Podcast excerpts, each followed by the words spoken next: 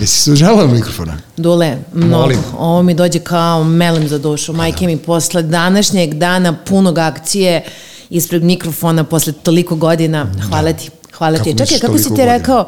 Pa, toliko godina. Ima, znaš, u trenutku kad sam dobila decu, napravila sam malu pauzu, Mhm. posvetila se roditeljstvu i to mi je bio fokus. A sada kada su deca porasla, iz fazona sam, e, možda ću se vratiti. Da, meni treba, ja, ja, ja, ja sam pokušavao, ne znam, svoje vremeno, Stanju Mijelić, sećaš Stanju Kako Mijelić, da ne, 92 i Tanja i ja, i onda smo snimali neki pilot, bila je Aneta Ivanović kao producent i mi smo se toliko kerebečili da je ona rekla, žena, kovaje vas dvoje, paljba, idite u kafić pa pričajte, inače ono mikrofon, međutim, eto, vremena se menjaju Kako da i jednog dana ćemo možda, ako Bog da i ja, ti, ja i ti sesti i raditi nešto zajedno, možemo i da repujemo. E, ja mislim da definitivno hoće. Nekako čini mi se da vrednosti iz prošlosti danas dolaze do neke vidljivosti. To ti kažem, mi smo Znaš. trebali da radimo zajedno projekat Stewardesse, Stewardesse, jeste, i on je propao zbog mene, pošto sam se ja posvađao sa producentima koji su tražili pare. A da, a da, a da, glavni, a da direktor televizije to nije znao i onda sam ja tu popizdeo i poslao sam direktoru televizije mail i rekao sam stop. Sećam se, zvučilo je kao ozbiljna priča. Pa ne, Baš smo imali priča je- dobar pri- tim, pri- ljudi oko nas. Priča je bila dovedena do kraja dok e, nisu mi tražili mito. Ali bukvalno to, ali ono to, ali ja nisam znao tada kako to ide, to ćeš sad ti meni posle da objasniš, pošto ja, Za mito to ne znam. ne, ne za mito, nego, nego to, to je ono u okviru Naravno. korporacije, znaš, te, Aha. te, ti rogobatni izrazi. Ok, ja imam kratak uvod, e, mislim, ovo je bio uvod, ali imam kratak uvod, pa sam napisao, da. Super. Nedavno, nekada davno u našoj domovini bila je aktualna pesma Seks, droga, nasilje i strah. Trenutno je samo strah ostao, a seks, droga i nasilje su zamenjeni. Sada se peva zaluđivanje, spinovanje, panika i strah. Svako vreme nosi svoje breme. Kada nam je sadašnjost nesnosna, mi pobegnemo u prošlost zato što budućnost sve živimo. Jednoga dana kada se svet vrati u normalu, raštićemo leve i desne govnare iz naših života, kada crknu svi naši dušmani, objavit ću, objavit ću i ja roman i biti pisac. A do tada mi ostaje samo da se nadam da će konačno ona magična brojka od 5000 normalnih ljudi sa dignutim čašama multiplicirati i konačno iz sobe preći na ulice. Ja volim moj grad i zemlju svoju i znam samo jedno, domovina se brani lepotom i dobrotom. Maskum Podcast predstavlja Treći svet. Vaš domaćin Dule Nedeljković. Gost podcasta Treći svet, Sandra Pajović, ti imaš i lepotu i dobrotu i to ono ja tebe kad vidim ja znam da, da postoji nada i postoji budućnost, ali majke. Dule, puno hvala na ovim rečima, Da. zaista hvala ti. Ne znam šta ti kažem, sem kad si me prošle nedelje pozvao i pitao da li želiš da gostuješ kod mene, šta si tačno rekao? Rekao si u smislu, kod mene gostuju ljudi koji su vredni pažnje, ali, Ali- nekako ih nema, ne vidi se to. Nevidljivo ste, da. Da. Otprilike, pa da, tako sam ti rekao, aj ti si mi rekla pristajem pre nego što sam ja čuo da si rekla pristajem, pa smo tako ono nekako oduševljeni bili oboje. Ne, nije stvar u pažnji, nego, znaš, vidiš i sama, pošto si ti, ja nekako sad opet žena, nekako mi kad tebe vidim, znaš, mnogo mi je to grubo za tebe, ovaj, devojka koja, koja, koja si iz medija i vrlo dobro znaš da postoji oni ti krugovi, ne znam, od 100 gostiju koji vrte svi, Kako da do, ne? do, do smrti od eh, tih, ne znam, režimskih medija do onih slobodnih medija, oni svi vrte sto ljudi i iz tog kola ispada svako ko nešto pametno kaže Tako i onda je, naprosto nažalost- nema ljudi koji to govore. Da, nažalost, danas je i u eri digitala tako, Mhm. imamo influencere i tačno možeš da vidiš i po agencijama marketinškim i PR da se vrti ih pet influencera u krug zarad nekog dobrog posla. Ne žele ljudi da gledaju van okvira, samo gledaju striktno pravo, ne uključuju periferni pogled u smislu ajmo nešto novo, ajmo neku inovativnost.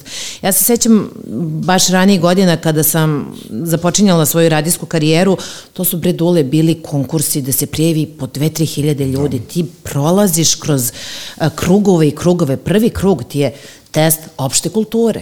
Bio. Bio. Nekada. Nekada. Da. da. Onda ideš, kad, ako prođeš jave ti, onda imaš test, dikcija.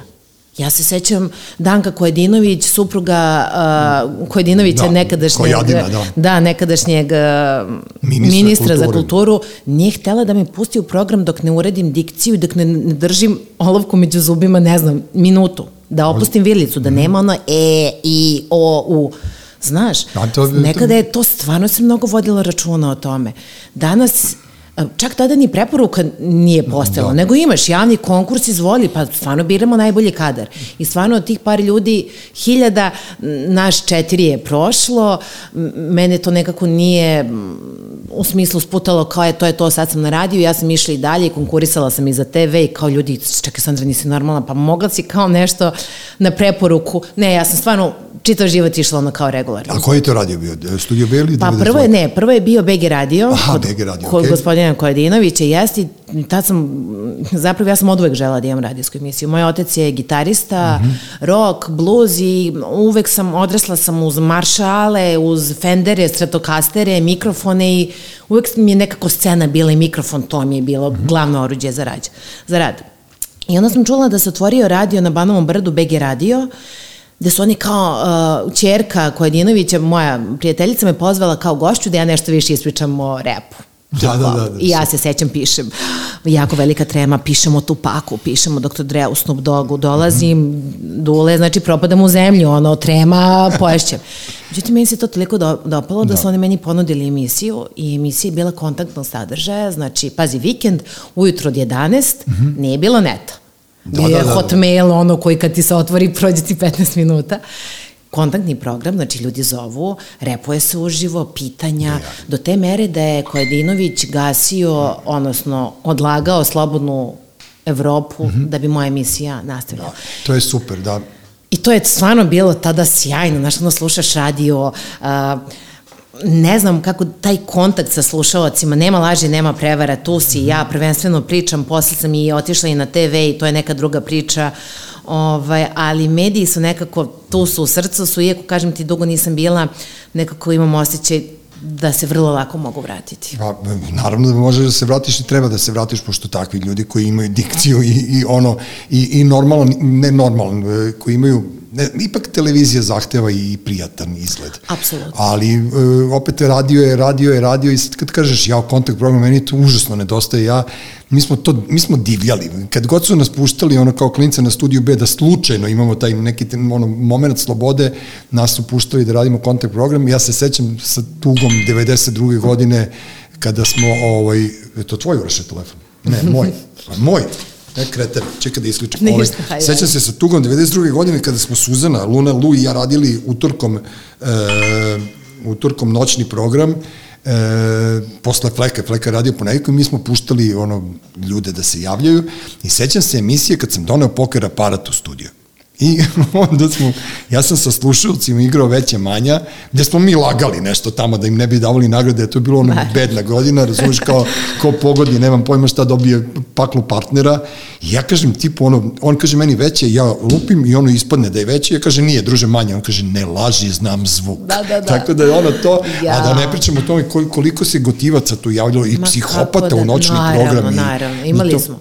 Imala sam svašta, zaista sam imala, sa, sa, sa svačim sam se susretala recimo jako puno nekih popravnih institucija gde su bili e, korisnici, prosto ljudi koji su prešli neke granice, e, dešavalo se da ako zasluže, kao nagradu dobiju da slušaju moju emisiju. I to je jako puno pisama stigla, stizalo iz, ta, iz tih popravnih ustanove, da kao uh, Znaš, ono, čitaš u programu, javljaš se tim ljudima, ne znam, ovaj, tada nije moglo i Kurta i Murta da ti gostuju, nego stvarno ljudi sa kvalitetom. Ti si da. znala tu scenu, ti si znala tu scenu, te, ja uslovno, ja ih zovem klinci. Video sam da, da ne vole ljudi sad da ih zoveš klincima, pošto to nije politički aha, korektno, aha, nego kao mlađe osobe, e, oba, po, oba spola, tako da ih nazovem. Ovaj, ti si znala i Cviju i, i, i Struku. Pa i... ja sam znala Cviju u trenutku kad je Cvija, Cvija je stvarno sjajan momak i bio je klinac i radio potpuno drugu muziku nego danas. Da. Ja Cviju poslušam i sve to, ali Cvije je tada radio potpuno, znači to je bio rap.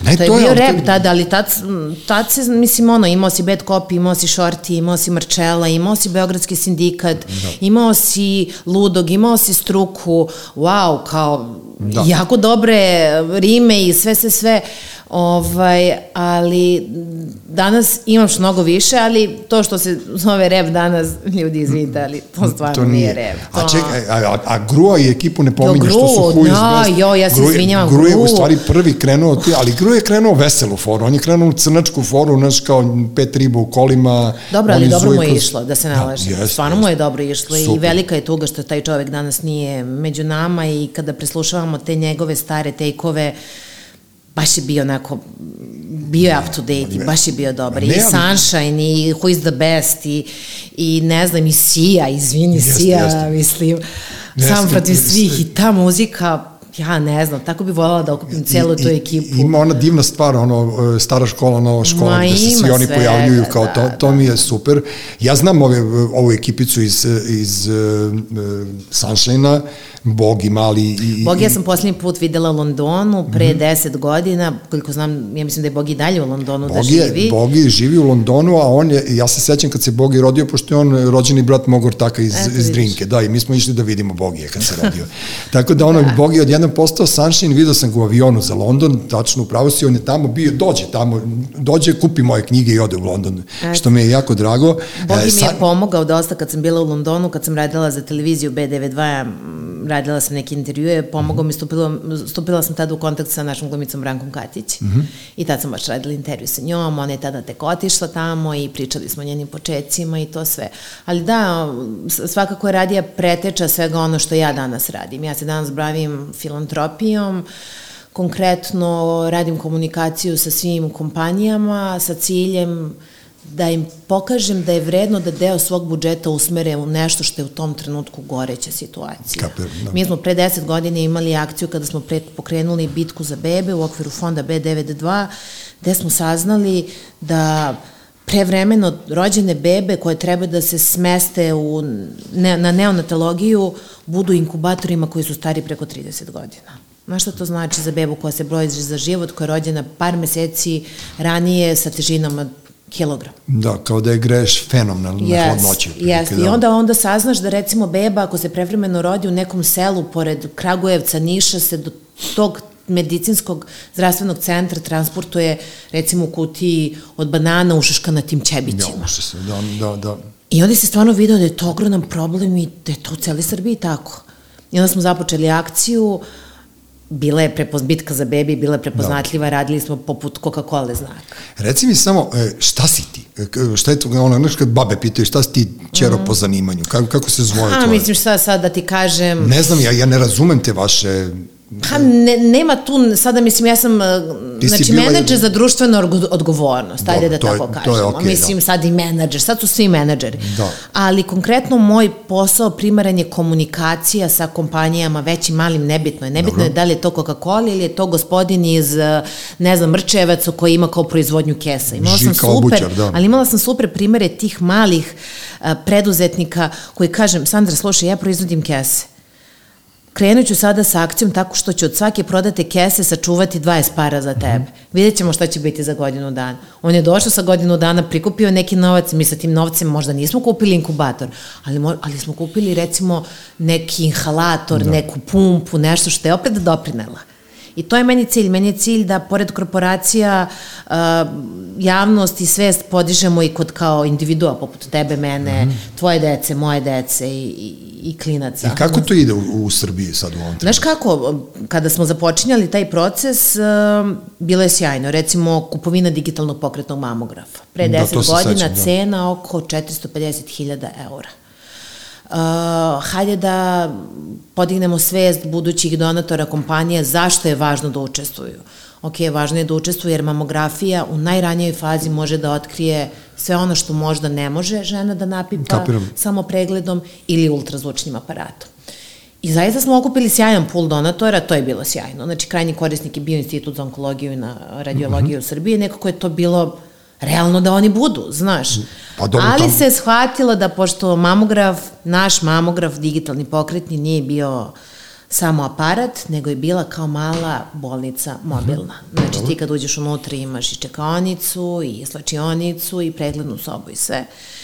I to je nekako, čini mi se, bio veliki zaloga jer je trebalo obučiti ljude. Mm -hmm. Nama je zapravo bio cilj da taj mamograf obilazi sve veće gradove, manje gradove, varošice, pa čak i sela, gde žena nije imala priliku da se susretne sa ultrazvučnim. Ona ni ne zna da, da to postoji. Tačno, da. tačno tako. Hvala Bogu, danas mamograf radi punom parom, interesovanje je veliko, pogotovo u, u eri COVID-a, kada je sve COVID, odeš kod zubara COVID, odeš eh, kod oftalmologa COVID, odeš na koznu COVID, znači ja. prosto sve, svi pregledi se mnogo teže zakazuju i dolaze do njih. Tako da je sada neki cilj animirati kompanije da deo svog budžeta usmere u taj mamograf, ne bi li on funkcionisao i ne bi li mhm. te žene imale pregled i spasile svoj život, ako je, ne daj Bože, neka u fazi. Da. Ne, ali e, ja se sećam, uslovno rečeno, početaka tog, te korporativne filantropije i sve to, znam da ste na, nailazili na prepreke jer ste se naravno naletali na nepoštene ljude i pre neki dan sam se setio ja onoga kada, kada su svi ono manje više, jedan se ubio, jedan uhapšen, jedan yes. živ, te situacije i ja prosto, naš, ceo život su mi najgadniji ljudi koji zloupotravljavaju tuđu nesreću i sada kad neko sebi E, pravi sjaj sa novcem koji je namenjen za decu, a tu su prevarane mnoge kompanije. Mislim da je Telekom bio u pitanju da su najviše moguće, para dali. Moguće. Nebitno, e, neću to konkretno ni... nije išlo preko nas, ali da, ne, znam te priče, da sarađivali smo sa takvim ne, ljudima, Nego ti nažalost. samo kažem e, da postoji, zato te pitam kako je to sad u Srbiji. Znaš, ovde svi lažu. Mm, danas je drugačije. Danas je stvarno drugačije. Mi smo nekako i napravili taj temelj. Kad kažem mi, mislim na fond BDV2, mi smo radili vrlo transparentno. Znači, sam novac koji je dolazio kao da, donacija tad je bila i TV B92 da, i radio B92 da. i web, znači apsolutno si mogao svakodnevno da komuniciraš gde taj novac odlazi i da pratiš na sajtu koliko novca u svakom satu pristiže i koliko smo do cilja da ostvarimo kupovinu, bilo autobusa za transfuziju krvi, bilo za izgradnju neko od sigurnih kuća. Želim da napomenem da smo mi radili na izgradnji sigurnih kuća. Da, i onda ste pravili, a kako ti kažem, onda su se dešavale kao posmatrač, znaš, u toj silini. Mhm. -huh. Izgleda da niste imali do, dovoljno kapaciteta ili ste bili mnogo mladi i naivni, što ja hoću da kažem, mhm. -huh. bez obzira na godine. Sećam se kad je otvorana jedna od tih sigurnih kuća, slikane su kamere. Kamerama je slikana ta da, kuća, ja sam bio da u fazonu, da li ste vi normalni, ovo treba da bude tajna lokacija, znaš, pravljene su neke greške u koracima, a ovo je zlo društvo i ovde te samo čekaju na krivini, ma šta dobro da uradila, ako uradiš nešto slučajno pogrešno, oni te dočekaju i onda tu kreće i kontra e, kampanja i, i, i trebalo je boriti se sa svim tim stvarima i prosto, znaš, ne mogu da verujem, jer ja sam verovao vama, kakvi, znaš, ja, dobro, ja imam privatno... Uh, jer veruješ danas? Pa verujem, akcijama. Pa verujem zato što si ti tamo. Sad verujem, Radom, sad kako ti kažem, verujem preko tebe. Hvala. Ne verujem preko, preko, preko glavešina, ne verujem uopšte, njima više ništa ne verujem, ne verujem zato što nemaju pristojnosti da mi se jave na ulici, a otprilike, e, znaš, ja ne volim kad se javim nekom, a neko da okrene glavu, tako da ja te probleme Znaš kako? Ne želim da apostrofiram, ali kažem ti, verujem da, e, zato što znam e, kako su rođeni, znam kako smo krenuli svi i kad je neko krenuo pošteno kroz život, šta god da je uradio, usput ne može da bude pokvaren. Znaš kako, da... ja sam jako dugo u, u fondu, mislim 15 godina sam tu da. i ne bi stvarno bila da tu nešto nešto ima, da se ja ne osjećam naravno. prijatno ili da imam neki crv sumnje. Nikad, ma koliki god novac to bio o, i šta god. Uh, samo da kažem da od donacije niko od nas ne prima platu, znači to su potpuno drugi resursi. Da. Ovaj, ali hoću ti kažem, da, ti si rekao verujem fondu zato što si ti tu. Slažem se da, da su ljudi ključna stvar u celoj toj priči. Pa, Mnogo donatora se vraća nama baš zbog ljudi. Dobro. Baš zato što veruju. Velike korporacije koje recimo ulažu jako velike novce u dobrobit na nacionalnom nivou, ulažu zato što znaju da ljudi koji radi u okviru fondacije su zaista pošteni, vole svoj posao i trudit će se da na najbolji način taj novac ode zaista gde je potreban. Nikad se nije desilo da taj novac ode slepo negde, nego uvek se dogovaramo sa donatorom ko će Dobro. biti krajnji korisnik svega toga. Svi kad ulazimo u sve te filantropske akcije, humanitarne akcije, ulazimo sa velikim srcem i u hodu i učimo. Znaš, meni se desilo pre dve godine da sam posao, nažalost, počela da donosim kući. Ali taj ekspazan, da, onda, u smislu onda je gotovo, da, da recimo radimo neki projekat za onkologiju, da se ti mm -hmm. susrećeš sa ženama koje su obolele od raka. Ja, dole, kunim ti se sutradan, imam identične osjećaje da. telesne, senzacije na svom telu. Radimo nešto za multipla sklerozu. Samo pričamo. Dule, idemo sutradan kod svog doktora, pričamo da. simptome. Treba Meni se- moj doktor kaže Sandra, uradi MS glave da budemo sigurni da nije multipla skleroza. Radimo sa decom s posebnim potrebama, dođeš kući i posmatraš svoju decu. Razumeš? Radiš, uh, kunim ti se svaki put kada sam odlazila u sigurne kuće i družila se i pričala sa svim tim ženama koje su različite. Znači, ti tamo imaš i žene visoko obrazovane. Da. Uh, imam osjećaj da život van te kuće ne postoji u smislu tih tema i svega toga. Tek kad zađem, kad prođem sav taj deo i kad uđem u centar Beograda, malo se osvestim. Vidiš, ono kao lisa u zemlji čudo. I meni su da. medicinari rekli, kaže Sandra, mi se kroz, za susret sa bolestima spremamo godinama kroz srednju školu, višu, fakultet, praksu. A ti samo uđeš u projekat preko noći. Jeste. A da ti kažem jednu stvar, ja, ti si nežno žensko, a ja sam ono grozno muško. Ja sam radio, e, dobro to nešto Deda Mraz, nemam pojma, e, maj, nešto, to baš. ne, tako nešto, institut za majku i dete na Novom Beogradu, novogodišnja predstava za decu onkološkog pacijente. Jelica Greganović i ja smo bili, ja sam tri dana posle toga imao temperaturu. Eto. Tri dana posle toga, znači To potpuno to. sam bio ono oduzet jer ja nisam bio spreman. A zamisli da si hipersezit. U stvari, ko zna, možda i jesi. Pa znaš, jesam, ali Postoji nešto- jedno, to, može, to možeš da otkriješ. Grebuckaju te po telu i onda ako ti se ispolji crveno ili belo, pa belo pređe u crveno, ima neki nivo senzibiliteta. Ne znam, Najgore je ako nemaš nikakav trag. A, istetoviran sam sad, pa ne mogu da nađem. E, to je Da najstrašnije, znači ako nemaš nikakav trag. Da, da. No dobro, kažem ti, ono, susretali smo se sa raznim stvarima, mislim, Da, sad- Teško je, ali ovaj, kad dođeš kući opet znaš, uradio si nešto dobro, vidiš te krovove nad glavama tih ljudi, vidiš nove inkubatore, Videli, vidiš... vi, videli smo se ja i ti u Sinđelićevoj kad si ti bila ona na Yes, ivici, ona bila yes. si isto, ona kao jao, Yes. Dule, ja sam počela da nosim pos- posao kući, ja sam rekao, brate, beži iz Beograda, na 15 dana negde na more, na, na Znaš sunce. kako, izgleda da to, um, ne može ni 15 dana da te ozdravi Resetuje, toliko, da. jer izgleda da ti to taložiš godinama u sebi i samo u jednom trenutku eskaliraš. Ali Mhm. bukvalno nema više, nisi protočan, to je nabujalo i bum. Da. E, onda tražiš pomoć. Ja sam tražila pomoć istog časa. Mhm. I krenula sam da učim. To ti se zove anksioznost i napadi panike. Znaš, Dobro. u trenutku se vrlo boriš, e, vrlo si plašljiv za svoj život. I kao, meni su čitav život ledene ruke jer imam jako lošu cirkulaciju, u tom trenutku te red- ledene ruke su, wow, ću li izdržati noć, ću li se probuditi. Da. Uh, I onda sam, znaš, jako puno učila i slušala ljudi, istraživala, zapisivala, vodila dnevnik i došla sam do jedne, do jedne studije koja kaže da je anksioznost kod nas, kod nas anksioznih, mm. -hmm. da treba se gleda poput temperature. Ne možeš sa, 40, sa temperaturom od 40 da odjednom spustiš na idealnih 36, nego, Nego ideš polako, postepeno. da. Tako sam i ja shvatila anksioznost da je i najmanji uspeh veliki uspeh i da on ide postepeno. I onda sam krenula da zapisujem. Hej, kao počela sam da nosim rolku. U tom trenutku ja ne nosim rolku. Dobro. Jer me steže, razumeš? I onda kao, čekaj bre, kupila sam tri rolke u Zari, imam da ih nosim, dala sam novac za to. I onda sam krenula da pišem be benefit. Počela sam da nosim rolku. Mm -hmm. Sledeće je kao, uh, ne znam, vratila sam se izlasku sa prijateljicama. Da, prijem izlazak sa prijateljicama, znaš.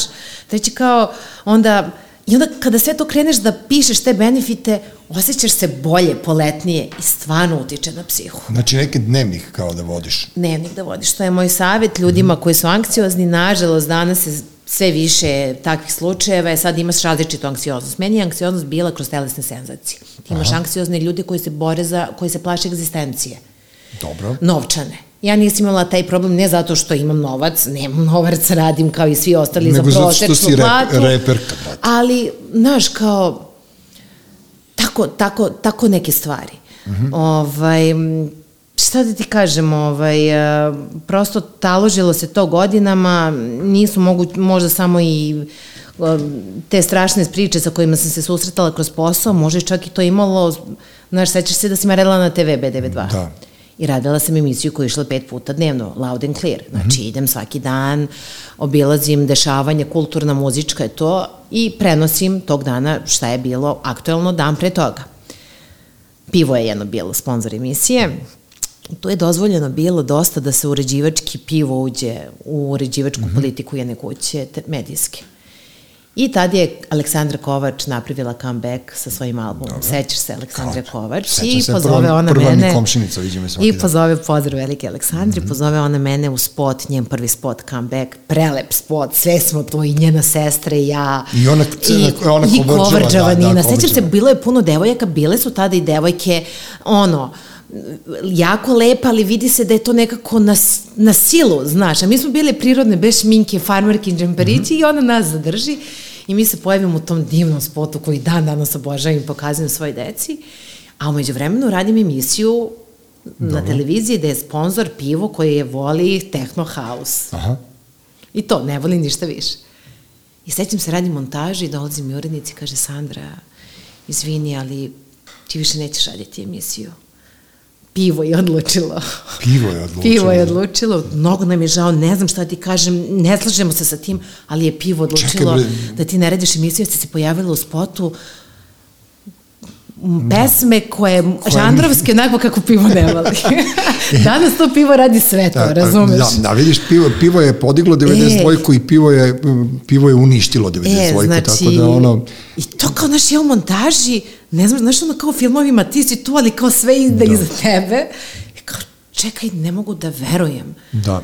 Baš mi je bio udarac, žešći, Nije emisija posle toga opstala, pivo se posle okrenulo i toj vrsti muzice, zapravo okrenulo čekaj, se... Čekaj, kako pivo može A, to odlače? tako je napravljena, na, tako je kroz ugovor napravljeno da, da. znaš, to bi isto bilo kao kad bi ja sad otišla u, u tu pivojeru i rekla, slušajte, Samo ovaj, ova pšenica, ovo nije dobro, ubacite, ne znam, kamilicu ili da. nešto, znaš, tako je nekad bilo. Ali dobro, ovaj, to me nekako očeličilo, jer ja sam bila mlada, susrela se sa otkazom, jao, misleći, propala sam, gotovo je, sve, sve, sve.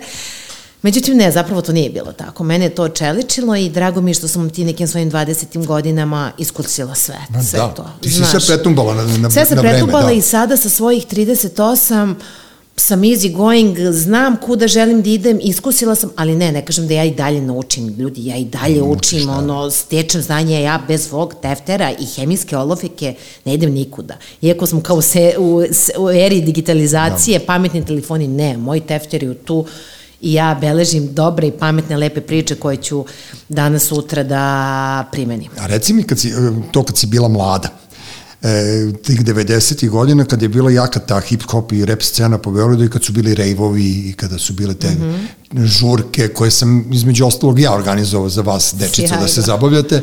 Ovaj, kako si se provodila? Kako si provodila vreme? Sećam si bila se. bezbedna ti sa svojim ekipom? Bila sam vrlo bezbedna, da. sećam se petak dom omladine, znaš se, petak mm -hmm. veče, hip-hop veče. jo, da, jo. Cijela ekipa postavka je tu, znači idemo u dom omladinu, mala sala, svi smo tu, svi se znamo, mm -hmm. uživamo, onda se ide na noćni autobus kuće za Banovo brd.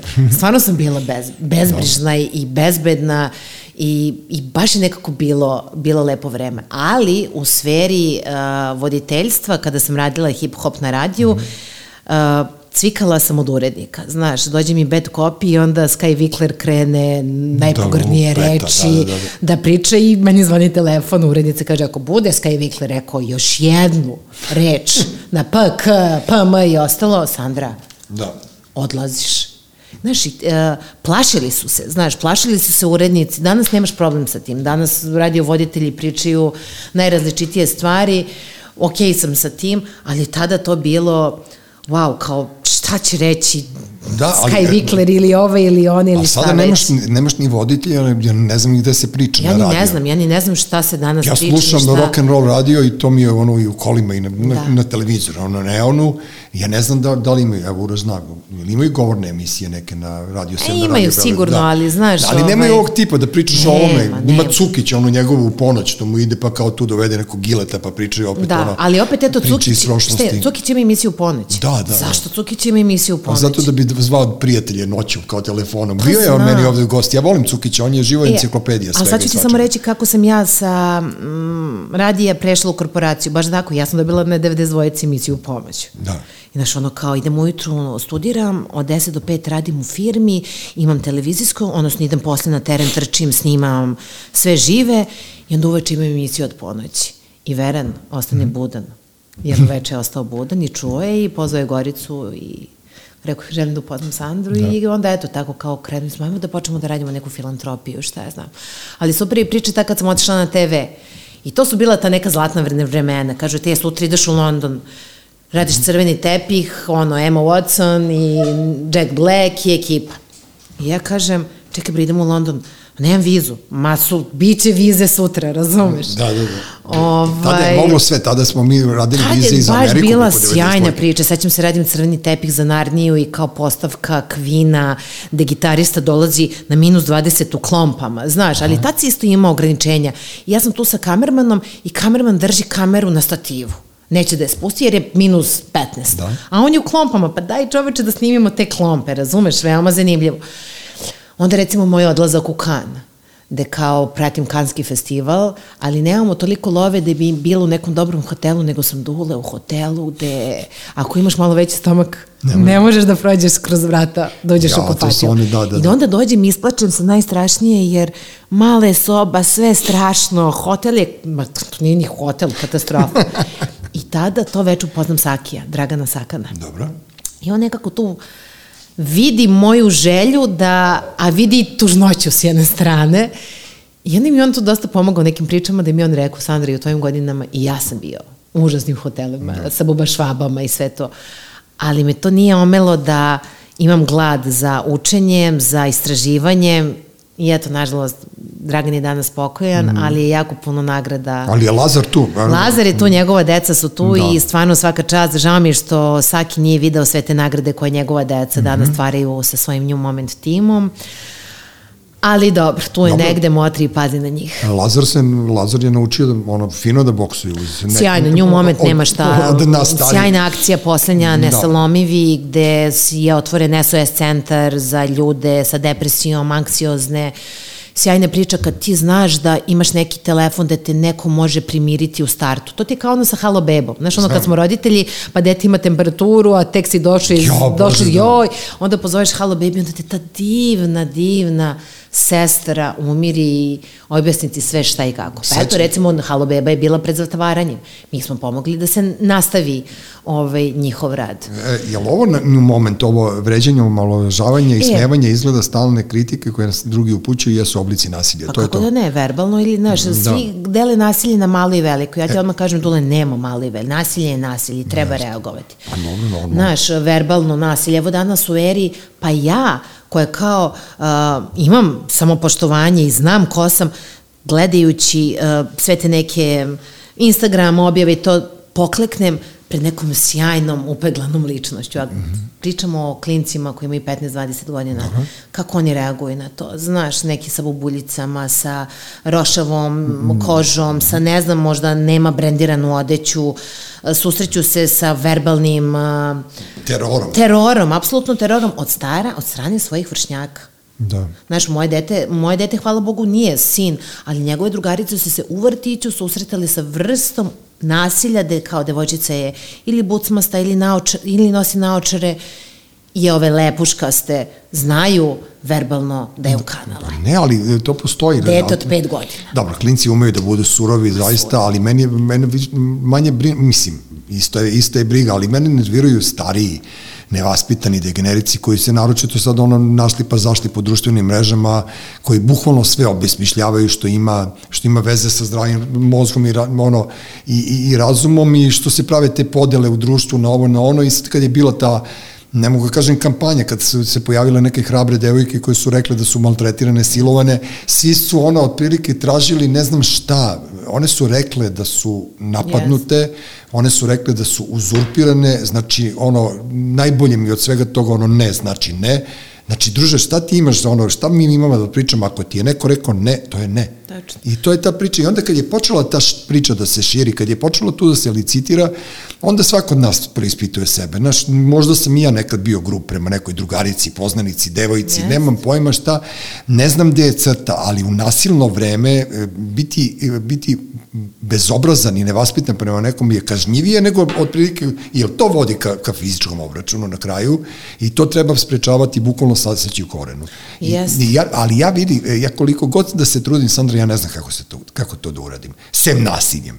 Znači, znaš, kad bi neko, ne daj Bože, tebe povredio ili moju suprugu ili neku moju prijateljicu, ja bi mu vratio Znam. tri put surovije. I onda to, ti je, to, je, to je neki krug nasilja koji, koji, koji se nikada ne zatvara. Znaš, kako doći do tog momenta da prestane već jednom to iživljavanje otprilike. Znaš kako, uh, još mi nismo klasno društvo, kako ti kažem, mi smo neko, Nismo. mi smo Reći ti besklasno Toma, znam društvo. jako puno žena, devojaka koje imaju problem, a ne mogu da da ga saopšte širem nego kao nama par. Da. I mole da se to ne širi, a jedva spavaju noću, teško se bude. Milena Radulović, glumica, vrlo, vrlo hrabra devojka. Ne, ja, sam se iznenadio, razumeš? znači prehrabra, m, naš, ma ne smijem ni da pomislim bre, šta je ta devojka prošla i kakve osjećaj, traume i dan danas bitku vodi sama sa sobom. Ne, to mi je jasno svega. potpuno, ali nešto kad, su, kad je ona to rekla, postoje nenormalni ljudi koji nju, njoj oponiraju, koji aut, automatski... Znaš šta? Znaš, ali ne, ali to, je- to je zlo sa svih strana, kako ti kažem, to je ono krug, krug zla. E, mene su recimo strašno naljutili profesori sa fakulteta dramskih umetnosti koji su imali dilemu da li je to bilo ili nije. Da. Pa su onda kad su počeli da se vade iz tih njihovih dilema, onda je postalo još skaradnije, još gore. Onda je naletelo da su i ovog, eh, ovog ne znam, još nekoga optužili za to kao napadao je nekog u hodniku. Ok, ajde da vidimo, ajde, znaš, nemojte da rasplinjujete priču. Vi Jeste. ste tu pedagozi, znači vi pedagozi niste reagovali na pravi način i osudili svog vašeg kolegu kretena i njegovu suprugu, nego ste ona stavili neku devojčicu u procep da ona laže. Zbog čega bi ona lagala na Pa kraju da, krajeva? sad je tu- Tražila je sad možemo pomoć. da- Ma ne, nego da nabrajamo, da kažem, koliko nabrajamo. mene nervira to što hoću da ti kažem, šta, da li, šta je pitanje poverenja. Malo pre si mi rekla da li veruješ fondu. Ja kažem da, zato što znam tebe. E, vidim što kažu ljudi, vidim po očima kad je neko u pravu. Jasno. Znači, mene to strašno vređa. I onda kad mene to strašno vređa, ja počnem da budem ljut. A kad ja budem, kad sam ja ljut, onda to nije dobro. Da, m, izbr, izbroješ do 10 ili ono jutro je pametnija noć, ne znam da li to deluje kod tebe. Noć je pametnija od jutra. Kod tebe, a? Kod mene da, ja sam potpuno okrenut. Ti si da, okrenut. Ja sam drugačiji. Pa dobro, da. ko zna zašto je to dobro, mislim, u ostalom mi smo svi individue i kažem ti, danas se, danas mnogo pričamo o svemu, mediji su tu, društvene mreže, svako ima slobodu da kaže šta god želi, stvarno, pre 20 godina to nije bilo tako, nije bilo weba, nije bilo ničega, ono, štampaš, čitaš, dolaziš do vesti, šta ja znam. Evo, reći ću ti jednu anegdotu koju možda nisi znao meni, a to je da na rođenju, mom rođenju, ja sam dodeljena drugoj majici. Zamisli danas da Zamenili se su. tako nešto desi. U eri Bože, svih ovih medija, šta bi bilo sa rukovodstvom, šta bi bilo sa tim sestrama, šta bi bilo sa tom klinikom. Mene su zamenili. Moja majka je rodila mene, na pod, sećaš se, mislim, u 80. godina nije bilo baby, baby friendly, mama se porodi i tih, tih četiri dana je sa bebom. Ne, nego beba dolazi kod mame na podoj i samo na podoj. I tad smo bili svi kao hlebčići umotani, Da, da, da. samo buckići, ono, virimo, obraščići. I moje mami daju bebu koja nisam ja. Moja mama je to, iz, znaš, majke znaju. Majke prosto. namirišu, da. Mama kaže, nije ovo moje dete. Međutim, njoj kažu, ba šta ti znaš prvorotka?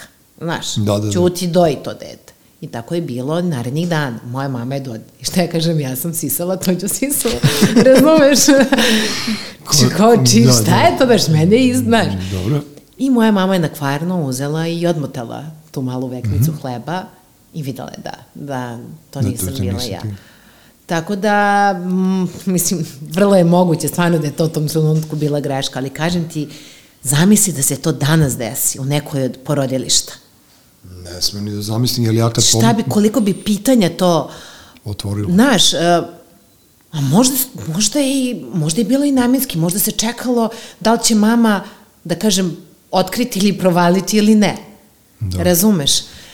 Tako da, eto, to je neki ono fun fact a, o, o, o meni iz prošlosti Da. koji me, eto, ovaj, i dan danas Da, znači kad se mi šalimo s nekim da su ga zamenili u porodilištu, ne treba da se šalimo. Ne Mislim, ne, a sad je da stvarno se sve šalimo. počelo da bude, ono sve što kažeš može da se upotrebi protiv tebe, Apsolutno. bukvalno, znaš, tada je ono vrlo obazrivo. A znaš kad je to počelo? To je počelo za vreme ratova 90. kad nisi smeo više da se zezaš na bilo koju da. temu, jer nikad nisi znao ko ima nekog osakaćenog u tako, i porodici. ko je u društvu i Jeste. ko je jeste. Da. Znaš, tako da ono, to su vrlo, vrlo opasne stvari.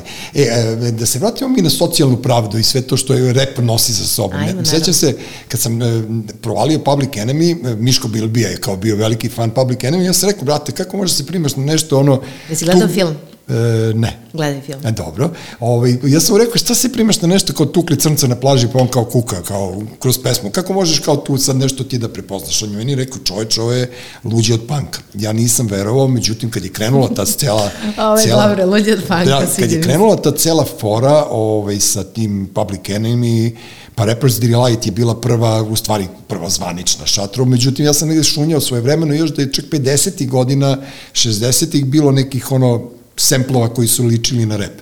I onda ceo taj pokret koji se sad pretvorio, da li je to Black Lives Matter ili nemam pojma šta, ti e, crnci sa zapadne obale Amerike su krenuli to da, da luduju, a onda su došli do kinte i onda su počeli to da poseljačuju, kako ti kažem. Onda pa je dobro. to ušlo u onu MTV šemu, ono kao naš zlatni lanac, duboke da. patike, da Ne znam. Možda su samo bili gladni svega svo, toga u detinstvu, jer nijeno njihovo detinstvo nije bilo lako, znaš. Da. Slažem se, ali opet komercijali, imaš i dobre komercijale danas, nemoj da se lažeš. Pa ne znam, pravo ti kažem, ja znači, ni ne slušam komercijalu današnju, jer nešto mi nije, ono, Nešto... Ne znam, ima, ima, stvarno ima Drake, ne znam si čuo za Drake. Nikad čuo, da. Drake je, meni je sjajan Drake, ne znam šta da ti kažem, Drake je uh, dete iz mešovitog brajka, majka Dobro. Riđa, Pegice, Belkinja, otac Crnac. Uf, razbija, lepo. razbija kako radi.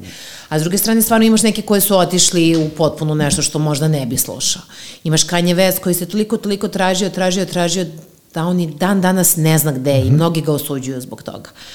Uh, kod nas se svelo, pa ne znam šta ti kažem, Kod nas se svelo na to da ja poslušam, da kažemo taj takozvani današnji rep i samo ga poslušam, ne vraćam se na njega. Meni A ranije godine je bilo da ja to režem, da ja to slušam, nosim na svom diskmenu, da. idem, vozim se autobusom, uživam u toj muzici, stvaram nešto, razumeš? A danas Ne, ne, danas poslušam, čujem da je to tu i čao, zaboravim, zaboravim. Bili su nekada i tekstovi zanimljivi, pošto repi u stvari moraš da slušaš... Da, lirički mora da si potkovan. E, jeste i moraš da, da, da čuješ i da prepoznaš koja je poruka bilo koje pesme. I onda sam ja jutros, ili juče ujutru, ne znam kad sam ono se spremao kao za taj rep, ono slušao, nemam pojma šta i malo su mi smešni ovi, ovi novi, neki klinčić, ono 14 godina, on je kao Znaš, kako, to, on, to je bilo i ranije. On se šiba s murijom, on, on ne znam, ono, tri ribe ima. Dobro, da, svi su ribe, spida, kola da, da, da, i to. Da. Ali ima 14 godina i mnogo je smešano, oni još brkovi nisu počeli da rastu, pa kao on je sad pun Ali besa. Ali generalno to je bilo i ranije, samo što sada da. je sve toliko dostupno i na tacni, i ono YouTube i, i ranije to nije moglo. Ranije si stvarno morao da imaš kvalitet da bi došao na radio da se tvoja stvar zavrti. Da. Opet, ja nisam, ne mogu da kažem da se je merodavna da kažem šta je kvalitet danas. Konkretno kažem ti, ova muzika koja se danas pravi, poslušam je i to je to, ja se na nju ne vraćam. Ne možeš. Znači ja je, a ranije se saživiš sa nekom pesmom, slušaš je, pa te motiviše da nešto uradiš u svom životu. Ne znam, recimo, najveće odluke sam donosila slušajući muziku, mm -hmm slušajući muziku. Pa da, pa muzika je bila pokretač svega, jeste, naravno. Znaš, ja ono slušam muziku i to je to, već imam uh, sutra šta bih želela da radim, znaš, i to me drži, drži, drži, drži. Da. I onda, znaš, kao deci se dođem kući, onda ugacim tu muziku, kao... znaš, znaš šta ja radim? Ja kad pišem ono, knjige ili tekstove, ja puštam uh, narodnjake, na primjer, me, da, je, zato što meni onda to puštam kroz tunel ka tekstu. Znaš, moram, moram da, da udarim kontrol, ali stalno moram da slušam muziku, jer ako slušam nešto što me pali, onda, onda, samo, onda sviram vazdušnu da, da gitaru. Da, da, da, Znaš, da, prosto da. ne mogu to, nego, ali je jedan od mojih većih životnih uspeha što imam sliku sa Husom iz Beat, Beat Streeta sve vremena. Lijepo, dobro mislim, znaš šta, Husa, izvini. Ono, njihova pesma, ona, obsesija, kako se, obsesija čoveče, znaš, kao to je ono ozbiljno bilo, ozbiljno rad bio. Ozbiljna priča bila. E, tako da ono, a, a, a ovaj Funky G e, su mi no, e, pravio sam koncert svojevremeno na Kališu za B92 kad je tek osnovan i svirali su Budweiser. E, Roze Poze, Koja i Boje iz Novog Sada. I uh, scenski momci, ovi koji su nosili opremu su bili Gagi Đogani i njegova ekipa. Tako da, eto, oni su prvi put scenu dodirnuli kad su nosili zvučnike za koncert koji sam ja radio. Ali meni su oni bili, taj Budweiser, meni je to bilo fenomenalno. Oni da. su meni bili ono kao, e, to je bila ta ekipica počela da se skuplja oko njih, a to je bilo 80. godina. Pa dobro, da, generacijski su oni ono, bliže i tebi, i po muzici, i po tekstovima, sve. Znači, u trenutku, u početak 2000-te, ta generacija, ono kao 83, 80, 89, 81, 2, 3, 4, 5, da. je meni moja generacija. Danas su izvođači, imaš i danas novopečeni izvođače koji su to kao 35, 40, ali su otišli negde, mislim... Ne, sam otišli. Ne mogu, ne mogu, ali stvarno ne mogu da ih osuđujem. Ja sam nekako ono, s godinama sam shvatila, kao što ne mogu da osuđujem niti plastične operacije, niti bilo šta, niti, mislim, svako je rođen kao individu i nek radi šta želi u životu, ako mu prija, prija, meni ne prija, meni ne prija ni reb da držim, ja volim da, mm -hmm. da to landara, da imam slobodu i sve to, znaš, ne prija mi karmin da, kad stavim. Mm -hmm a imam jako puno prijateljica koje je ono, samo estetika je u, u, u prvom planu. Pa dobro, ali ti ono, kako ti kažem, kompenzuješ to, da, da imaš, imaš, imaš tu pravo otprilike da ne staviš ni karmin. Znači, drugačije, drugačija si ti, onako, drugačije kad neko, naš, ja kažem, naj, najveći problem u ljudskom životu je lepota. Ozbiljno. Ja mislim da lepota samo nosi probleme sa sobom, Samo. s time što si ono pod većim ono, ono skenom, svi te gledaju kroz lupu, a drugo jedva čekaju da pogrešiš, da bi na tebi ono, skupljali neke poene džiberske. Dobro, ali s druge strane, danas je došlo vreme tako da ti lepotu možeš da dobiješ za 15 dana. Ma daj, brate. Imaš vidio... flastere 15 dana i skineš, imaš lepotu. Ja sam vid, video sam moju drugaricu s Jordesu pre neko veče u Golsortiju, bio sam u fazonu, brate, šta si ti od sebe napravila? I onda nisam mogao da se setim na koga mi liči, pošto ima plave oči. Onda sam rekao, daktari, to je onaj lav iz onog, nisi ti bila, nisi bila ni rođena, ne znam, ni urašten. Daktari je bila serija u Africi, pa lav neki koji je bio aha. sa tim plavim očima, on je bio zvezda te serije, ona se toliko zategla, ona ne liči na sebe, i ja kao sad razmišljam, a znam je muža, da, dečko normalno, frajer, onako, dobrodržeći i sve to, ne znam zašto je to uradila. A ne, ne znam, ne znam zašto je to uradila. Da li je da... neko prevario kao ono, znaš... Ha, ona je težila ka nečemu, to je definitivno i ona je sigurno videla nešto, ali da. uh, u trenutku kada se kreće, to znam po poznanicama, uh, ti ne možeš da staneš, Kao čips. jer to mora da se update-uje s vremena na vreme, kako da ti kažem. Da, to su meni to rekli za teto... Mora da se sanira. Just, e. To su meni rekli za tetovaže, to ti kao čips. Ako kreneš da jedeš, ono gotovo ode, yes. ode celo telo. I to ti isto kao i za filantropiju. Kad jednom uđeš i kad jednom doniraš i kad jednom učiniš neko dobro delo, to uđe pod kožu, čitav život da, ćeš biti da. dobro tvor. U svakom slučaju, a devojke ne znaju da prosto sredstva koja se korište za ulepšavanje, za sve, se razgrađuju. vremenom e, razgrađuju, ali dolaze no, dolazi nova tehnologija, znači to nešto je, moraš da zameniš za tim novim, a opet mm -hmm. ne znaš kako ćeš da reaguješ. Ali opet s druge strane kažem ti, nemam ništa protiv. Ne, krade, ako su srećne, video sam našu drugaricu, video sam našu drugaricu Lunu Lu u Krunskoj, jednom ja sam bio u fazonu suki ko te iz, ono, iz nabada, ono, nešto onako, ste se te oso izvedela, ne kao bila sam na nekom os, Aha, osvežavanju, kao, pa dobro. ono, kao kad kola pereš, nečem volim su... Lunu Lu, mnogo je poštojem. ja volim, pa normalno da je volim. Luna Lu je često puta imala puno poverenje u mene i za one neke, mm -hmm. za neka putovanja koje ona nije mogla da ode da iznese u svoj glamorami, ona je mene slala puno puta u London, da. Uh, sećam se, išla sam na koncert Black Eyed Peas i trebala sam da radim sa Fergie frontmankom mm -hmm. intervju i nikako nisam mogla da dođem kod nje i zovem ovu devojku iz Kozmo magazina po srpskom i bodyguard koji je pored Fergie meni po srpskom, ej ti, dođi vamo. dođi vamo. Znaš, ono neka dijaspora. da. I ja dolazim i kao, znaš, evo, ti ćeš prva sa, znaš, sa njom i to. Tako da su to stvarno neko ono sjajne iskustva da sam ja kao klinka, znaš, radila intervju sa svim tim poznatim zvezdama, ono, imala sam jedan i jedan intervju sa Emma Thompson koja je savršena, mm -hmm. a kao Jack Black koji je ono komedijaš kakvog nema, je u privatnom životu sam baš bila, baš je bio spuki. Pa nema to osmeha, kažem. nema ničega. Da, da. Jo, bože, kako ću raditi? A ja kao došla sa zadatkom da mu izmamim osmeh na lice. Nisam uspela, stvarno nisam to ti uspela, kao što ljudi, baš tip. Da, kako što ljudi poginu na Rambu, recimo, znaš, kao, aj koga da zovem, aj zovem Rambo, ovaj dođe pa čuti s cele emisiju. Da, tako da, da, da, da, to treba biti jako bazriv. E, video sam te pretposlednji put ili, ne znam, ja na aerodromu, išla si u Berlin, je li tako jo, bilo? jeste, bila sam u Berlinu. Jel voliš da putuješ? Obožavam, obožavam da putujem i nekako smatram, mnogo mi je žao kad vidim koliko mladi danas nisu otišli ni do Budimpešte, kamoli negde dalje. Šta će u Budimpešte? Smatram da, pa zašto da ne, smatram da te putovanje oblikuje. Ma dobro, kada vidiš druge kulture, drugi svet, kada vidiš druge rase. Bolje da odu u Sarajevo nego, ne, nego u e, Budimpeštu. E, okej, okay, Sarajevo, okej, okay, ajde krenut ćemo tako, da, znaš. Da. Obožavam da putujem, to mi je, i kada, put, kada putujem, ako sam sama, vrlo dobro baratam ulicama i sve sve, ali ako odem sa nekim skidam sad, ne znam gde je levo, ne znam gde je desno, da, da, da. potpuno se prepustim, imala sam priliku, zacrtala sam bila New York i stvarno sam želela i otišla sam baš kod neke poznanice koja živi tamo, ni znam, ni znamlje stan, ali eto u tom periodu je ona bila na Kostarici, ona... Ovaj, prazne gajbe, super. Prazne gajbe, iznam je ona nama stan, bukvalno je preko puta Empire State Building, mm -hmm I sećam se svako večer kad dođem kući, noge bride od one šetnje. Kako? Znaš, ali sledeći put kad budem išao u New York, imam da ga živim, imam bre da se probudim kad ja hoću. Ne ono kao 8 sati da bi videla što više muzeja, da, jer da, sam da. sve to prošla. I sećam se, jela sam samo čisto da pojedem nešto. To su bili fast foodovi. Sećam se, vraćam se iz New Yorka posle dve nedelje, tu ja ne mogu da zakopčam jakadu.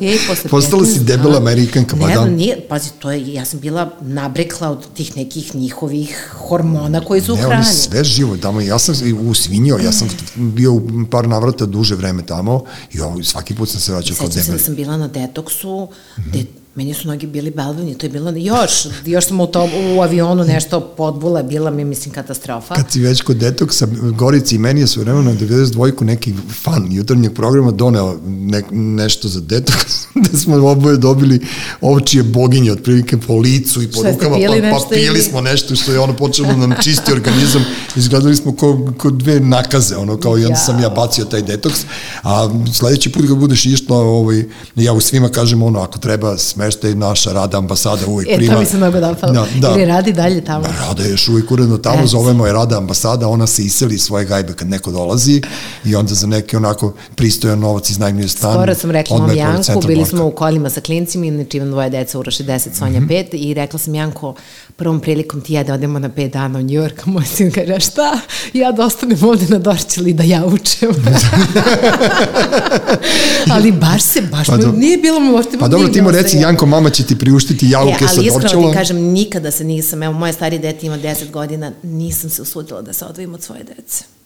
Sad, ja, ja sam se usudio, ali sam se vraćao. Ja, ne, znaš, on uvek kao ta griža savesti, kao šta sad trebam negde da odem, a moja deca to da. dobro čini da ja uču. Ja, ja, imam, ja imam to nešto, e, ja sam dao otkaz, kada je Bojana meni saopštila da je zatrudnila, ja sam dao otkaz u jatu, jer nisam hteo da moja deca rastu bez oca, kao što sam ja rastao bez oca i moj tata je rastao bez oca. To prosto, je ono, sve, ti si osvestio roditeljstvo. Pa ne, bukvalno ne, nego sam ja prosto znao da ja moram da budem tu. Ja sam, evo, sa njim već 14 godina, s Rašom 12 i potpuno sam tu sve naravno, prisutan. Naravno. Ali ponekad stvarno popizdim i kažem ono, šta će mi deca i uhvatim se za ranac i zapalim negde, ali ono 48 sati evo me nazad kao zadnji, Jest. ono, znaš, odvijem rep i vraćam se nazad. Znaš kako, ja sam, ali moram malo da promenim to, moram malo da, da vidim da su moje deca dobro, da su sigurnim rukama, mislim da zdravo odrastaju, jer primetila sam da, da i kad odem sa prijateljima na pići, kad mm -hmm. se vratim, čoveče, dođem sa novom, dobrom, obnovljenom energijom. Jeste.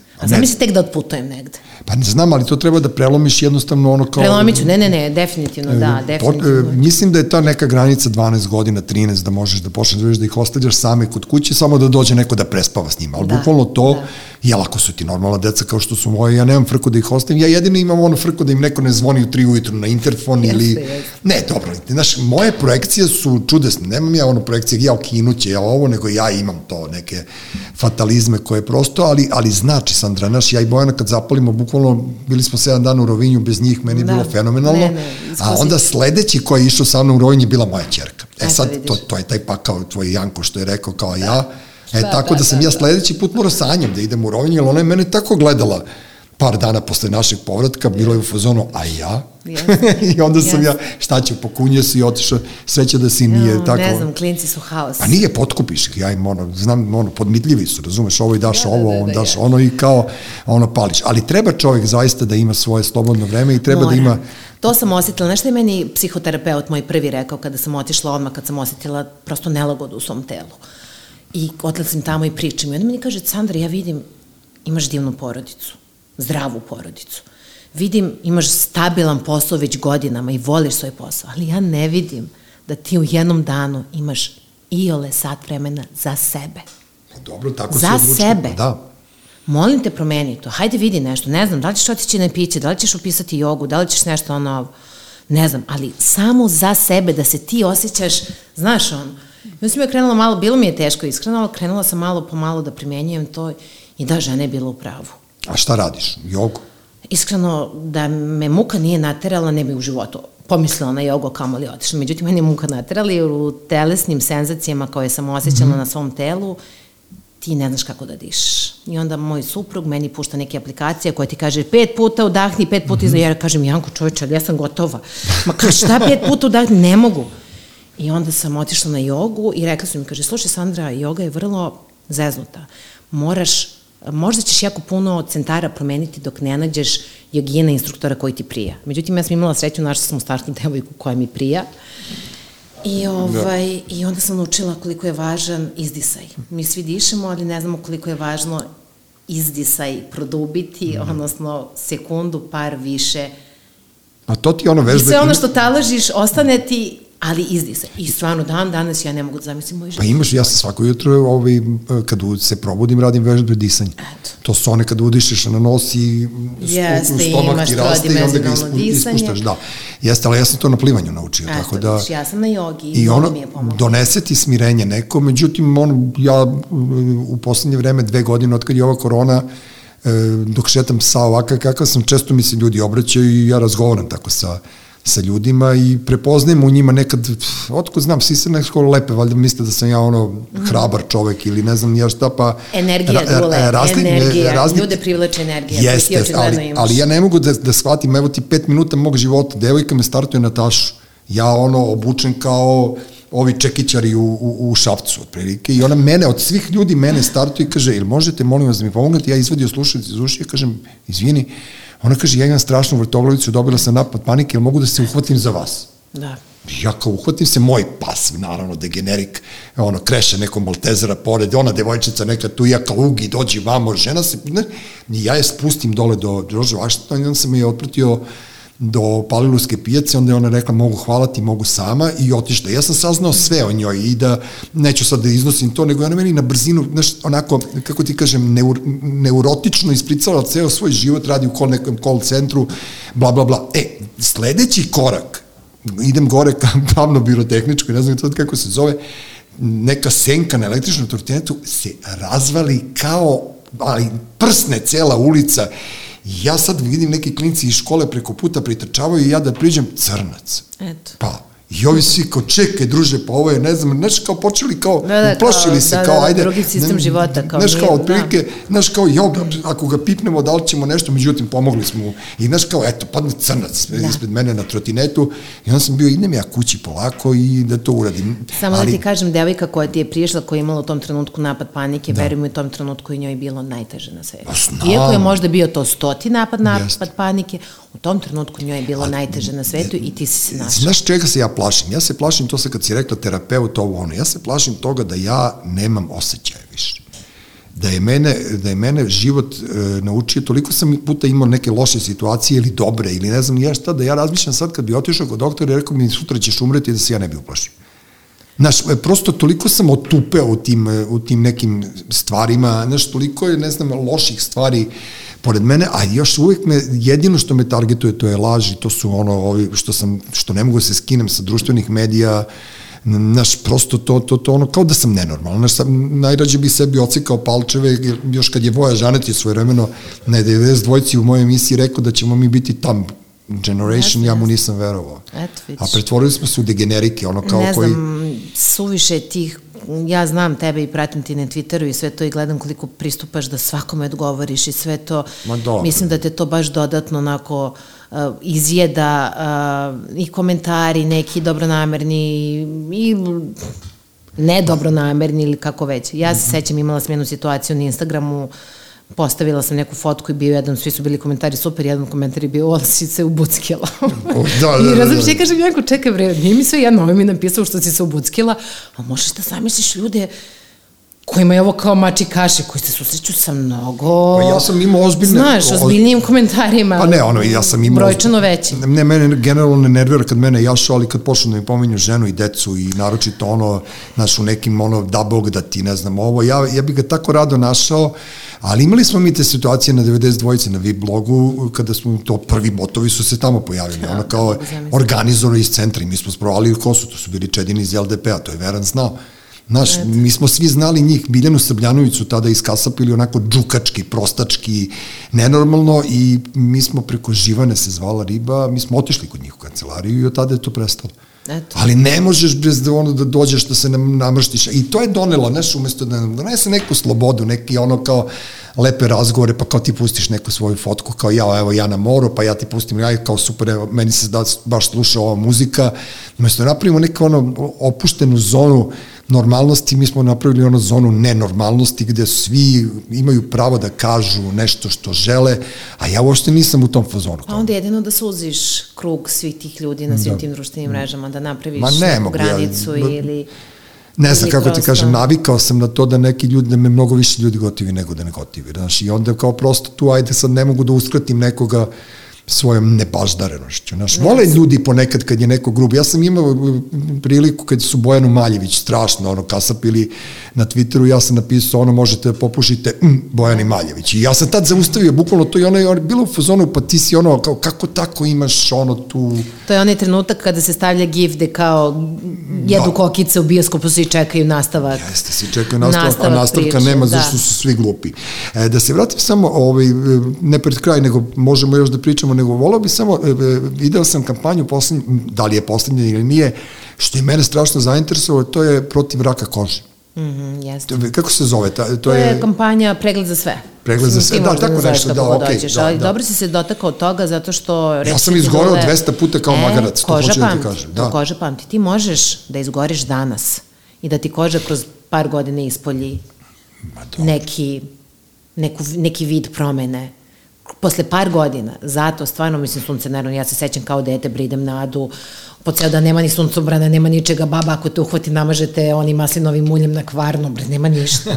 Da. Sad izađeš pored svih ovih SPF faktora, mm -hmm. 50, 100, šta već, izađeš, ti dobiješ neke flekice. Ja sam generalno imala problem sa licem, da. dobijala sam hiperpigmentaciju, gde kao trebam u toku leta da vodim mnogo računa jer sam pod velikim izazovom. Meni će svaki zrak sunčev da mi napravi nešto, a kako da se sakriješ 100% od sunca. Da. da, to je jako dobra kampanja zato što, m, kažem ti, tu podižemo svest gde je jako važna preventiva, A koja je preventiva? Pa, preventiva ti je... Znači, mazanje ili neizlaženje na sunce? I mazanje i neizlaženje na sunce mm. u periodu kada je ono najgore moguće, znači od 10 do 5. Da.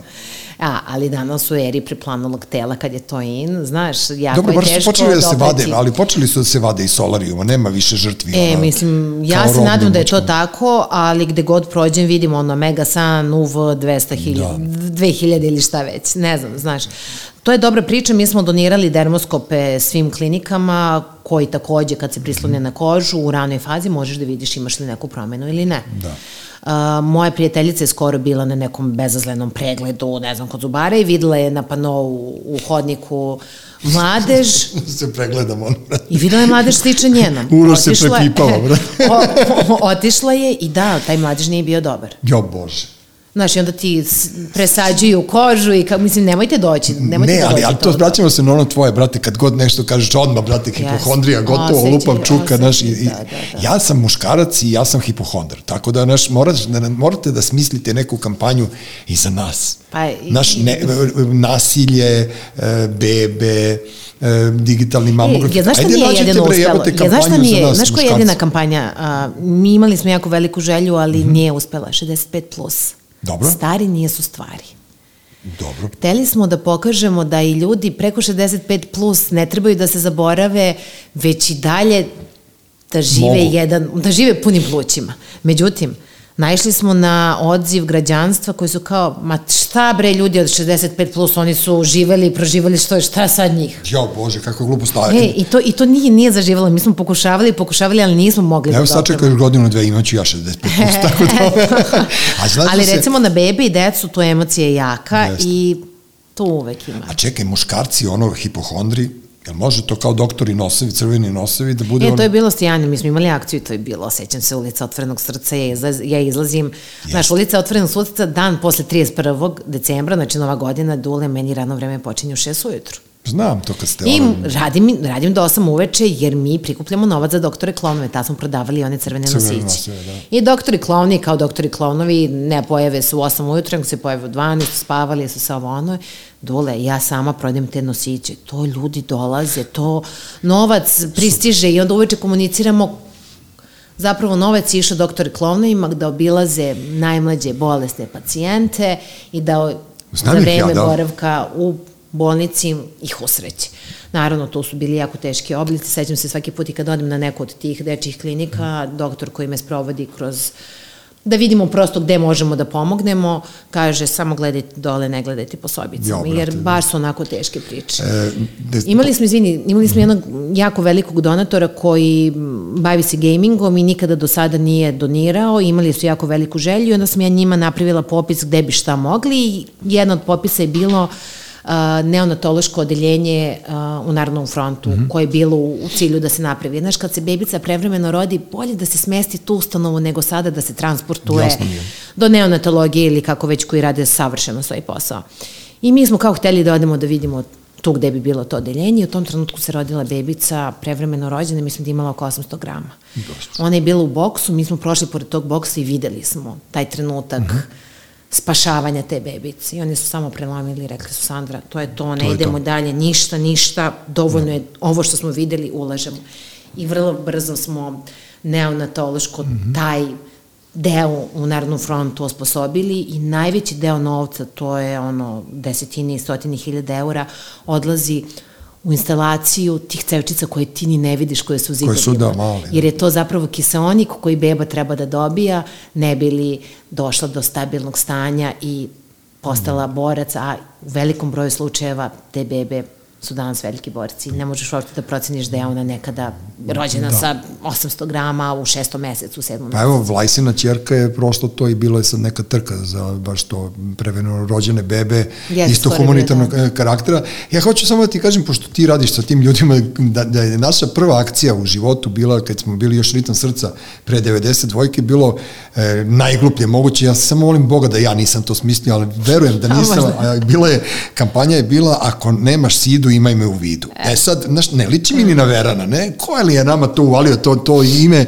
ja ne mogu da setim. I uglavnom u Domu omladine, e, mi smo se povezali sa infektivnom klinikom, u Domu omladine došle su kamere, došla je Beogradska hronika i onda smo mi kao stali u red, Veran, ja i Sefa, mi smo ga posle, ljudi ga znaju kao Vlada, Vlada Stefanović, ali znaju ga kao idiota i ovaj, nas troje smo prvi kao tu da, da, dali, da, dali krv, da, da i onda su nas snimili kamere i onda je moja majka bila kao ne znam ponosna i tri dana posle toga, pošto je Vera naravno bio lenj, on mene natera da ja odem kod eh, profesora Jevtovića po te rezultate ovaj, koje smo imali, 50-oro, eh, boga mi bilo je sedmoro pozitivnih. Eto. Od, I onda, pošto sam ja kao pregledao to, on mi je rekao, evo imate ovoga, imate onoga i prva tri su bile Veran, ja i Sefa Stefanović i pošto su bile one zagrade sa minusom, da, da, da, a bilo je latinsko, ja sam njemu samo puko od gore na minus, na minus stavio plus, gurno to u koverat, odneo Veranu i čutao. Znači pozitivan odgovor. Da, pozitivan odgovor. I Veran je to pretakelio i kad je vidio da je da je Sefa idiot pozitivan, on je morao njemu da saopšti, ili on je rekao, je, on je, ja kažem, a bre, pali, ja zapalim, znao sam o čemu se radi, teo je mene da uvoli da ja idem Sefi da kažem da je pozitivan, a ja znam da nije.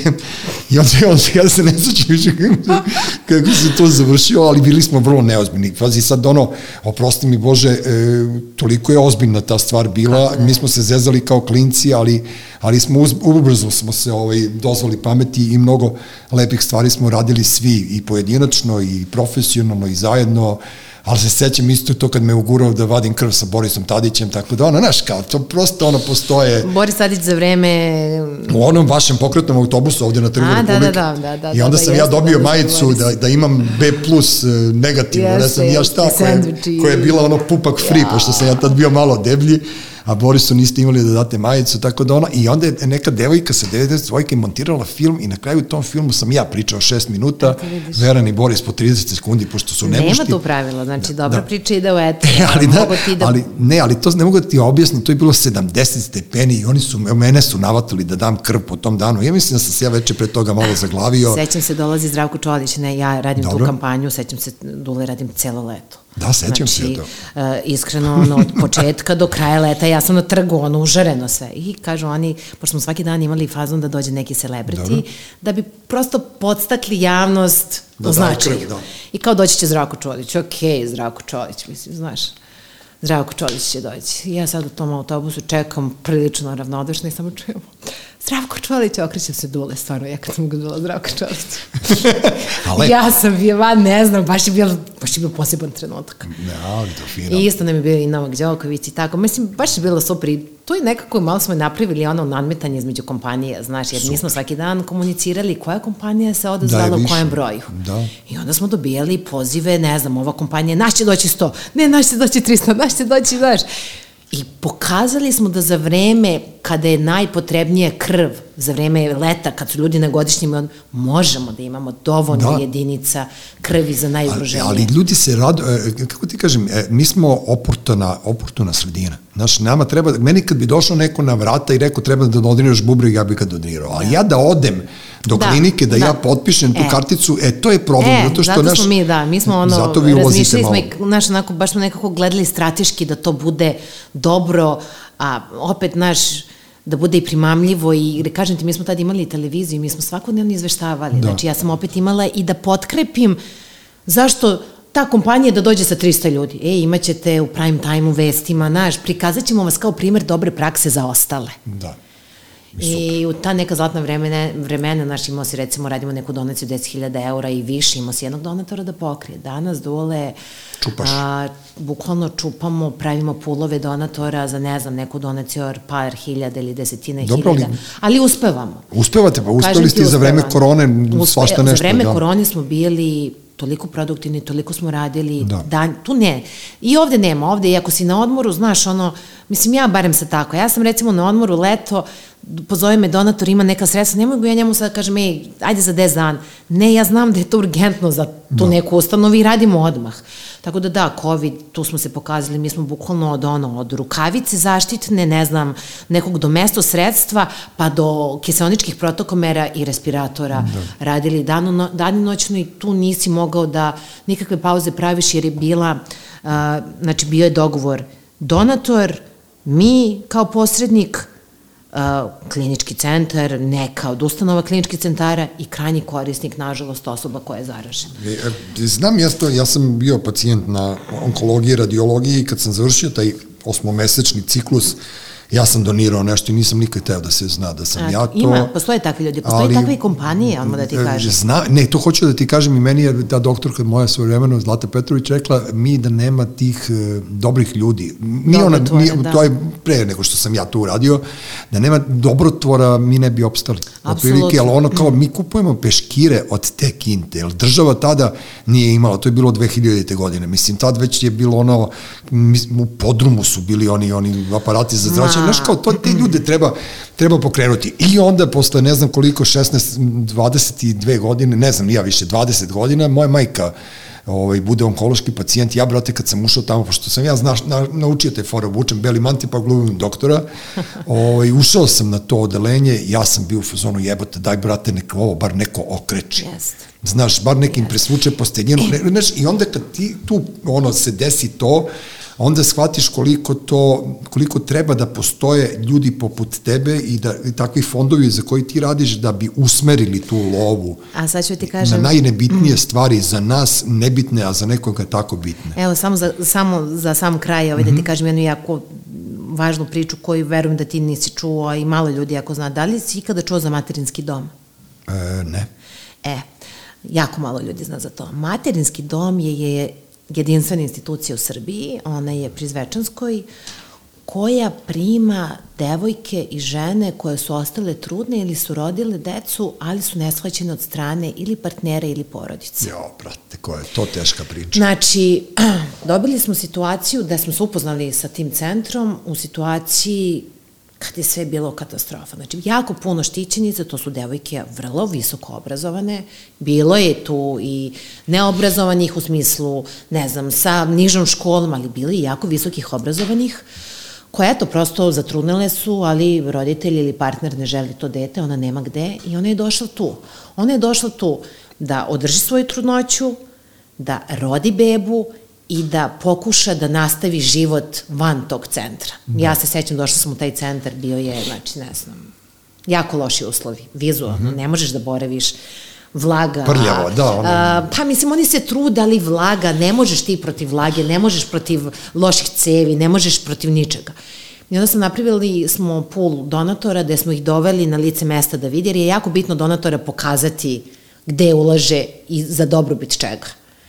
I onda smo na kraju doveli donator u to mesto gde smo kao, znači, mm -hmm. ono, od svih tih instalacija, zidova i svega, na kraju u policu novu stavili tu neku igračkicu koja je fenomenalna. Eto ću ti kažem da i tako nešto postoji. Znači, o tome se isto jako malo priča. Da. Ljudi ni ne znaju da tako nešto sad postoji. Si, zato, si, zato si sad rekla da. i zato treba ljudi da te zovu da ti pričaš, a ne ovi bolidi što ih vrte po ceo dan na televizijama. Nisi... A, znaš kako, s druge strane imamo i Tamaru, radna akcija sa Tamarom. Da, dobro. To je isto sjajno. Tamara ali, bio, je, ali opet je ovaj ali, Žarko na Pinku naravno napravio sranje pa izgradio kuću za sebe. To hoću da ti kažem. Znači, mora tu da ne znam, posto... recimo tu... Postoji poverenje. Znam za tu priču, ali nikada nisam istražila. A možda ga je neko namestio, pošto to ta ekipa...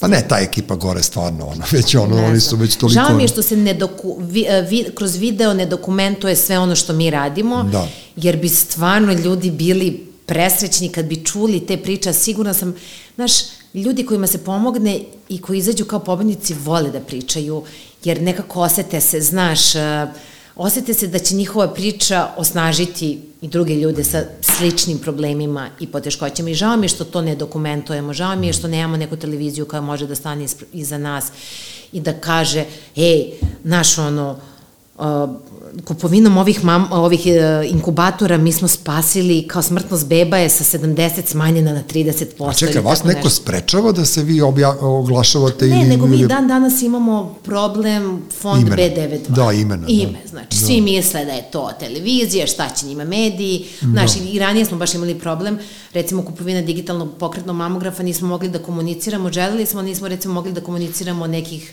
na nekim medijima poput Pinka ili RTS-a, zato što su to gledali da je to humanitarna akcija medijske kuće. A da. ne znaju da je to humanitarna akcija na niv, nacionalnom nivou za dobrobit svih. No, nema veze. Čini mi se da danas to malo ide na bolje. Ovaj, pa dobro, i, možda sad, pošto je 92 takva kakva je, možda mislim pa dobro, da ste... mislim, mi smo potpuno posebna jedinica, znaš što, znaš. Nema veze. Samo sam za kraj teo da ti kažem, sad kad si malo prepomenula čolo, Ovaj, uh -huh. Evo ovim putem bih volao da zamolim ljude da shvate da ja nisam čolin burazir. Meni se dešava da od 90. neke godine ovamo da mi skaču tako s vremena na vreme iz kladionica, iz kafića, da me ljube ljudi na ulici i govore gde si Gabi. Ja nemam pojma o čemu se radi. Gde da. si Gabi, gde si Gabi? Ja kažem, što, ono, i moj drugar iz Sarajeva meni objasni da ja ličim strašno na Gabaša, to je Čolin rođeni brat što drži ove ćevape, da, Nikad ćevape. nisam išla tamo, u, u Dobar, kraju. E, a sad ja saznam od druge ruke da je Gabi dužan voli da se kocka i da je dužan pola grada bio sam u zonu, nemoj da me neko rokne zato što ličim na čolinog brata, baš ne bi bilo u redu. I pričamo tako i da nalećem na moju školsku drugaricu Tanju Petrović, koja inače peva po klubovima, žena fenomenalna, išla sa mnom u odelenju, ima piercing, ima ono minđuše, luda kao struja, priča, ono kao, kao neka reinkarnacija Janis Joplin izgleda, Aha. i sedimo mi u kafiću i nešto pričamo i ona kaže, sad ću da pozovem sina da dođe po mene i dolazi lepotan. I ona kaže, vidi mi dete kako je lepo. Ja kažem, jeste, a ko je autor deteta? Ona kaže, Gabaš. I ja tu počnem da se smejem ko lud, ja kažem, Tanja, jel ti ličim na muža? Ona kaže, ličiš, nema te tek sad Eto, vidiš. Tako da, eto, znaš, imam i ja priču o Čoli, koja nije ja, mnogo pa tužna. Dobro. I ovaj, nadam se da nismo, da, ne da nismo, nadam se da nisam ja lično rekao nešto neprijatno što bi uvredilo neke korisnike, neke ljude kojima ti pomažeš.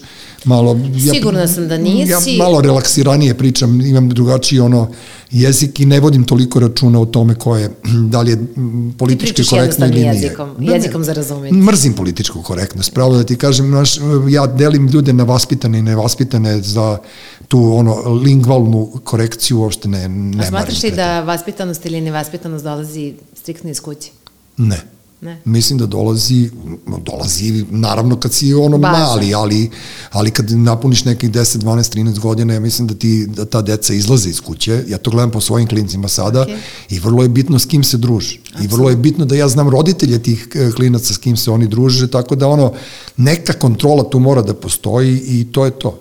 Znaš, vidim da neki ljudi imaju onako previše uh, čudne, ne želje, nego neka, neka previče, previče, e, prevelika očekivanja od političke dnevne situacije. Ja kažem, ljudi, sačekajte, naša deca kad dođu da. na vlast ili kad dođu u te neke zrele godine, sve će biti drugačije. I, ali to se brzo menja, evo, gledam sve generacije, gledam kad decu vodim po nekim, ne znam, doktorima i to, sve mlađe od mlađeg. I da kao odem u, ne znam, u, u Tirševu, mlad doktor, ja baš nešto sam sumnjičeva, odem u institut za majku i dete, tamo još mlađi. Dolazi do smene generacije i mi moramo da to prihvatimo. Meni je pala neka slika sa staklena na nogu i šio me dečko od 12 godina. Ja sam rekao, brate, jesi ti siguran da si ti lekar? da, da. On je rekao, jesam i ušio mi je nogu, hvala mu što mi ušio Eto. nogu. Danas imamo, on potpisao mi se ono grobar ili on, on na nozi imamo od, njegov, od njegovog šava. E, gošće današnjeg podcasta Treći svet e, Sandra Pajović. E, Dule, hvala Lep, puno. Lepo, lepo, Sandra Pajović, lepota i dobrota. I samo bih hteo da ovaj, pozdravim moje bivše prijatelje. Hoće. Nemam nikako ono loše ono mišljenje ni dan danas o njima. Malo smo se možda sukobljavali u nekim linijama kroz koje nas život vodi, ali hvala, hvala Bogu da smo svi živi i zdravi dan danas. Naravno, Ma šta da smo radili. Ja stojim iza toga da ipak m, neke stvari treba raditi na tome da se obnove. Pa, no, sad, ono, da ne? matične ćelije. Mm, pa. E, znaš šta, prestali smo da cirkamo i to je ono, mislim da ćemo se naći kad nam neka pivara bude izašla u, da. u susret i tako da ono... Pa ne, ba, Jedan telefonski poziv rešava sve. Pa znam, brate, ali kako ti kažem, e, mnogo je neko, mnogo, neko, e, mnogo nekog nervira ozbiljnost, a mnogo nekog nervira neozbiljnost. Kad e, se pa budemo sad. našli na pola puta, bit će sve u redu, no to nije tema našeg razgovora. Puno ti hvala što si bila tu, e, nadam se da će ljudi imati šta da čuju, da će vraćati, pošto podcast ima tu mogućnost da vratiš nazad ako nešto ne, bud, ne čuješ na vreme. S nama je bio Uroš Bogdanović. Hvala, hvala ti Sandra, moje srce je ono prepuno. Hvala, zadovoljstvo je veliko moje. Hvala tebi, hvala Urošu i do sledeće prilike. Hvala. Treći svet. Treći svet. Treći svet.